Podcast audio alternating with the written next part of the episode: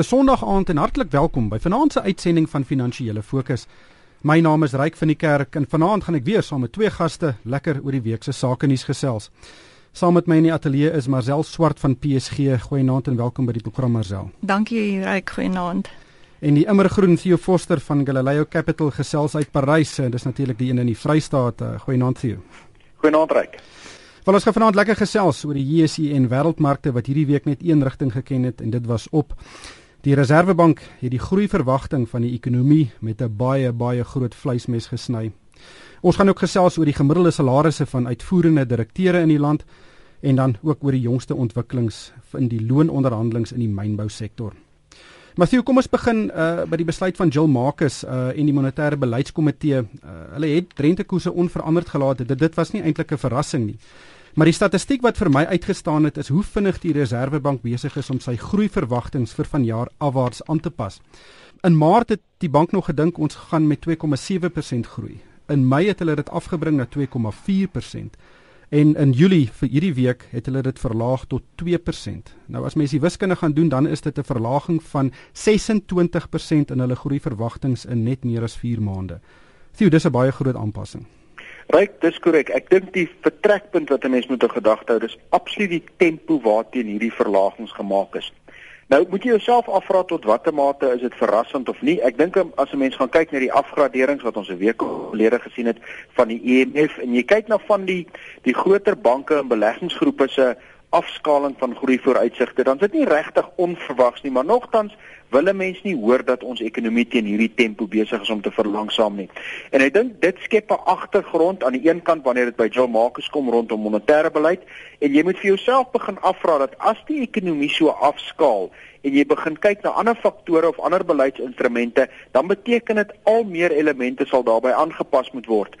Uh, dis aan die een kant, aan die ander kant vir beleggingsmarkte as die ekonomie afskaal teen hierdie tempo beteken dit verdienste groei gaan nie noodwendig wees waar mense in jou vooruitskatting gesit het nie. So dit het 'n hele paar ripple effekte op die ekonomie. En ek dink die probleem daarmee saam is ons kry dit in 'n omgewing wanneer ons inflasie druk sien wat naby die boonste punte van die Reserwebank se teikenband kom. En ek dink dit sê vir jou ook hoekom dit so uiters moeilik is vir Joe Marcus om enige verandering aan rentekoers beleid te maak. 'n Mens sou baie graag wou sien dat wanneer jou ekonomie teen hierdie tempo besig is om te taan en die, die, die groei vooruitsigte word al hoe minder vir hierdie jaar, dat 'n mens graag aktiewe monetêre beleid wil sien. Die probleem is egter daar ons sit aan die ander kant met die swak rand en ons sit aan die ander kant met inflasieprobleme wat beteken sy's eintlik gevang in 'n baie skerp knyptang en nie die tipe knyptang waar, waarna mens wil wees nie. Sou Ehm um, ja, soos jy sê, jy weet, ehm um, soos heeltemal vasgevang tussen ehm um, lae ekonomiese groei en dan jy weet die wisselkoers op hierdie vlakke is ook natuurlik 'n bedreiging vir inflasie. En ek dink jy sê dit hierdie week gesê nie, maar rukkie terug het sy gesê, jy weet, dat ons sit met strukturele probleme en en ongelukkig, jy weet, monetêre beleid gaan nie dit oplos op hierdie stadium nie. So selfs 'n rentekoersverlaging nou sou nie noodwendig 'n vreeslike groot impak gehad het nie. En um, ek dink jy weet sy het ook gesê weet so in die volgende paar maande sal inflasie syfers vorentoe, ehm um, die uitkoms van loonverhogings ehm um, gaan ook 'n belangrike rol speel en natuurlik die rigting van die wisselkoers gaan die drywers wees vir wat besluit word in die volgende paar maande. Ehm um, op hierdie stadium sit sy in of sit sit die Reserwebank in 'n baie tight posisie. Matthew, dit is amper asof sy 'n stuk 'n hamer in haar hand het en die enigste dis die enigste stuk gereedskap wat sy het, dan hanteer jy enige probleem as 'n spyker. Is dit net rentekoerse wat sy kan verander om 'n verskil in ekonomiese groei te maak? Kyk, ryk daar is 'n paar monetêre beleidsinstrumente tot haar beskikking, maar die probleem is eh, ek sal verder gaan om te sê sy het eintlik maar net monetêre beleid tot haar beskikking. Dit beteken dis rentekoerse, dis wat se transaksies sy in die geldmark doen, wat sy miskien doen met kapitaalreserwes, maar die punt van die saak is dis een element van beleid. En ek dink die probleem is en ek dink tereg word dit baie sterk uitgewys, die probleem in Suid-Afrika gaan nie met monetêre beleid opgelos word nie. As jy praat van strukturele probleme, as jy praat van probleme met beleidimplementering, dan is dit 'n probleem wat nie by monetêre beleid hoort nie. Nou ons mandaat van die Reserwebank was aanvanklik net die prysvlakke van die rand, dit wil sê net inflasie. 'n Groei element is bygesit, maar die die monetêre beleid per se gaan nie vir jou strukturele veranderinge bring wat groei betref nie. En die tweede punt, ek dink daar's al baie daaroor gesê, selfs van die Reserwebank se kant af dat Ons sit met 'n probleem met die implementering van beleid.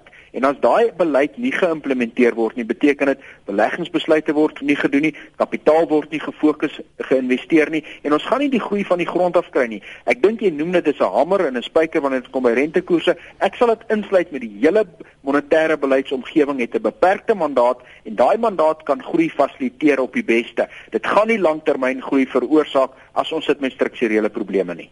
Hmm. En besigheidsvertroue, jy weet, dit is soos jy nou sê, besigheidsvertroue is is 'n groot probleem en en daarom bly vervaardiging ook laag. Kom ons gesels 'n bietjie oor goeie nuus en daar was verseker goeie nuus op die markte uh, hierdie week. Uh, die JSE het een van sy beste weke in maande agter die rug en dit volg nadat Ben Bernanke die Amerikaanse Senaat en die Kongres toegespreek het en hy het net weer eens bevestig uh, ons sal die Amerikaanse ekonomie help solank hy dit nodig het en die, en die hardloopmarkte weer. Marcel, is die naald besig om nader aan die bottel te kom of is dit maar die eh, die die eh, moderne manier van hoe markte beweeg? Ja, ek dink jy weet daar's baie onsekerheid, so dit dit dryf die wisselvalligheid. As jy net kyk in Junie was ons mark omtrent met 10% geval.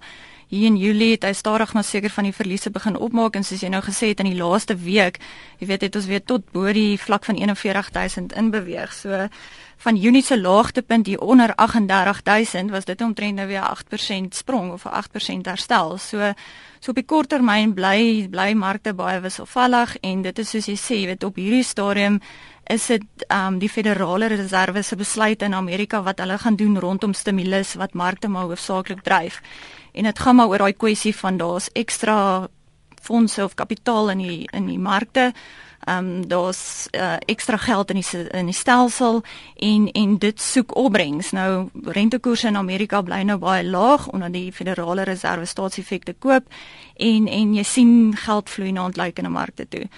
So ehm um, dis moeilik om te sê, jy weet, ek ek dink van hier af is is waardasies begin duur lyk like, en ehm um, ja, maar dit op die kort termyn sal dit maar wisselvallig bly.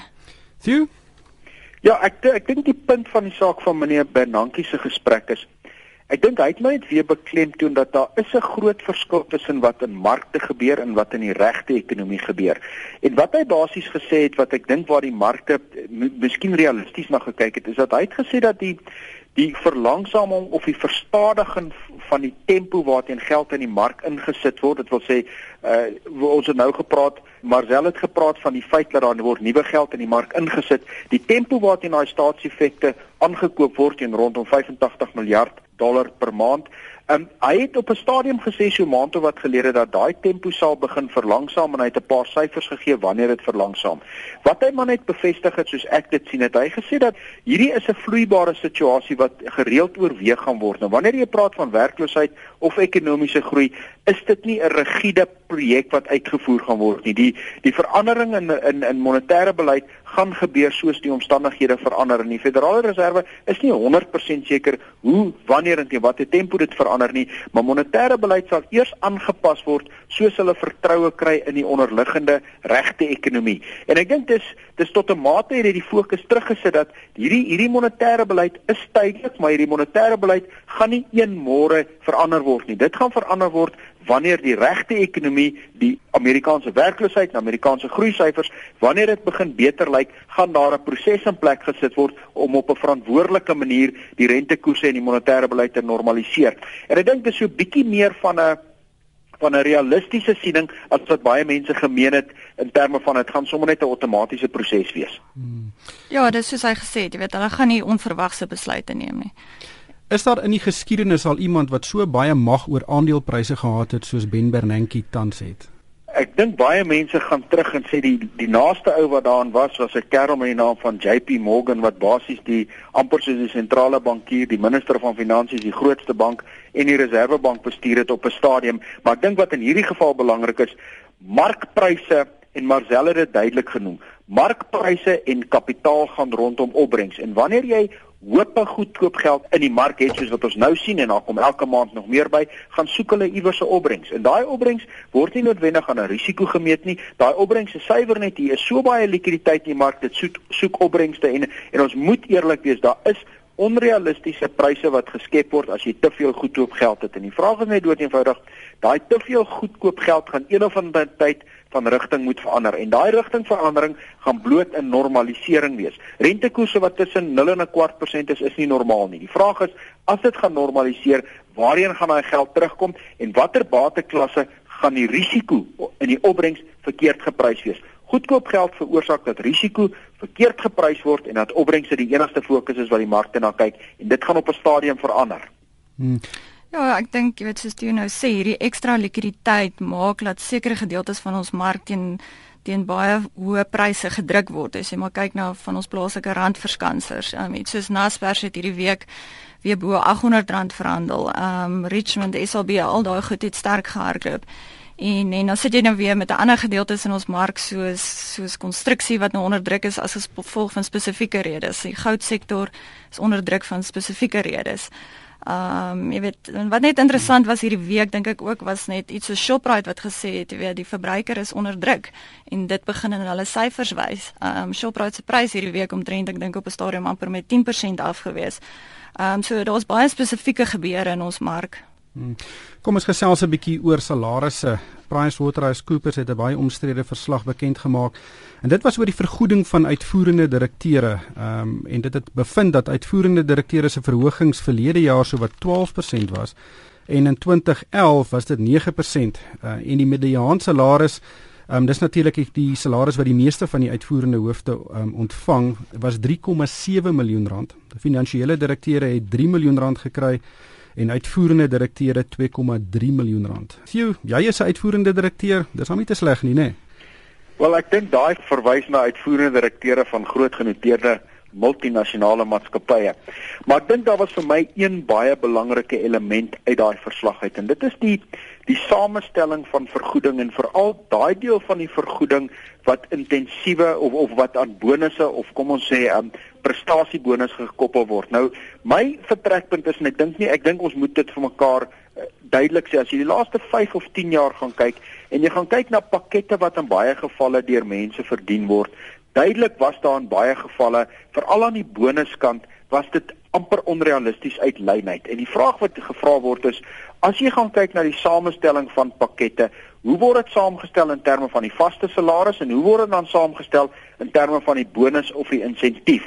Want ons het 'n situasie gehad wat mense verskriklike insentiewe verdien het en daai insentiewe was eintlik maar op korttermyn prysbewegings of markbewegings of transaksies gebaseer en 2, 3, 4 jaar later het daai transaksies uitgedraai dat dit eintlik nie in belang van aandeelhouers was nie, maar nogtans dat die bestuur die vergoedingspakket daarvoor gekry het. En ek dink die elemente se mense sal baie baie mooi daarna moet begin kyk en die tendens lyk op daar bietjie meer wegbeweeg word eerder na langtermyn intensiewe aan die een kant en aan die ander kant dat daai insentiewe meer gebaseer is op kwalitatiewe onderliggende prestasie van die besigheid oor langer periodes van tyd as bloot op grond van aandele wat beweeg het oor 'n kort periode van tyd wat baie keer in baie gevalle bittermin te doen het met die bestuur maar te doen het met markbewegings. Ek meen as jy kyk as die konstruksiesektor goed gedoen het as gevolg van die wêreldbeker, dan kry 'n klomp konstruksie uitvoerende hoofde meer bonusse as in ander gevalle, maar dit het bitter min met hulle self te doen. Hmm.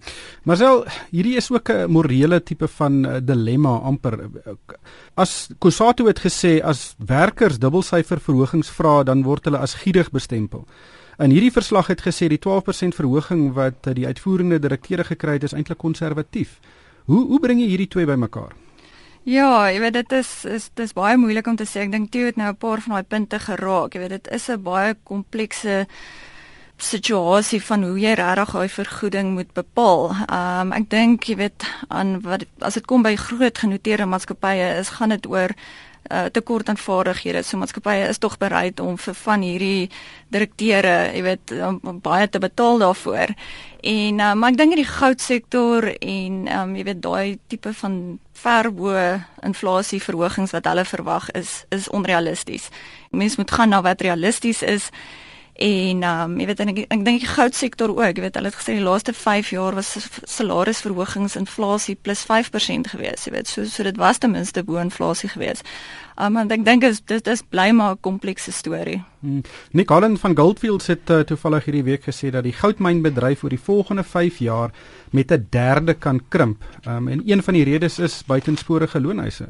Ja, jy weet, um, ek dink die goudsektor, as jy kyk nou jy weet die, die die goudprys het wat omtrent 22% geval sedert Januarie. Hulle sit met elektrisiteitsverhogings.